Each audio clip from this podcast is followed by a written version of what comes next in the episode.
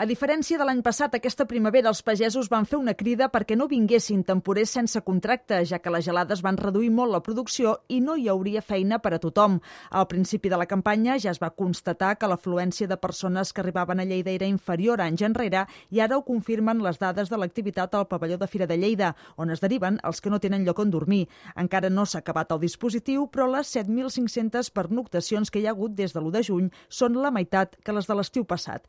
També han quedat places lliures als 18 pisos que per primera vegada l'Ajuntament ha reservat per a temporers en feina que paguen 4 euros per dia. N'hi ha 12 d'ocupats per una seixantena d'homes i 3 dones que s'allotgen al pis destinat específicament per a elles. Des de la Paeria fan una valoració positiva de la planificació d'enguany, ja que asseguren que no hi ha hagut incidències destacables i s'ha pogut oferir una atenció integral tant social com laboral i jurídica.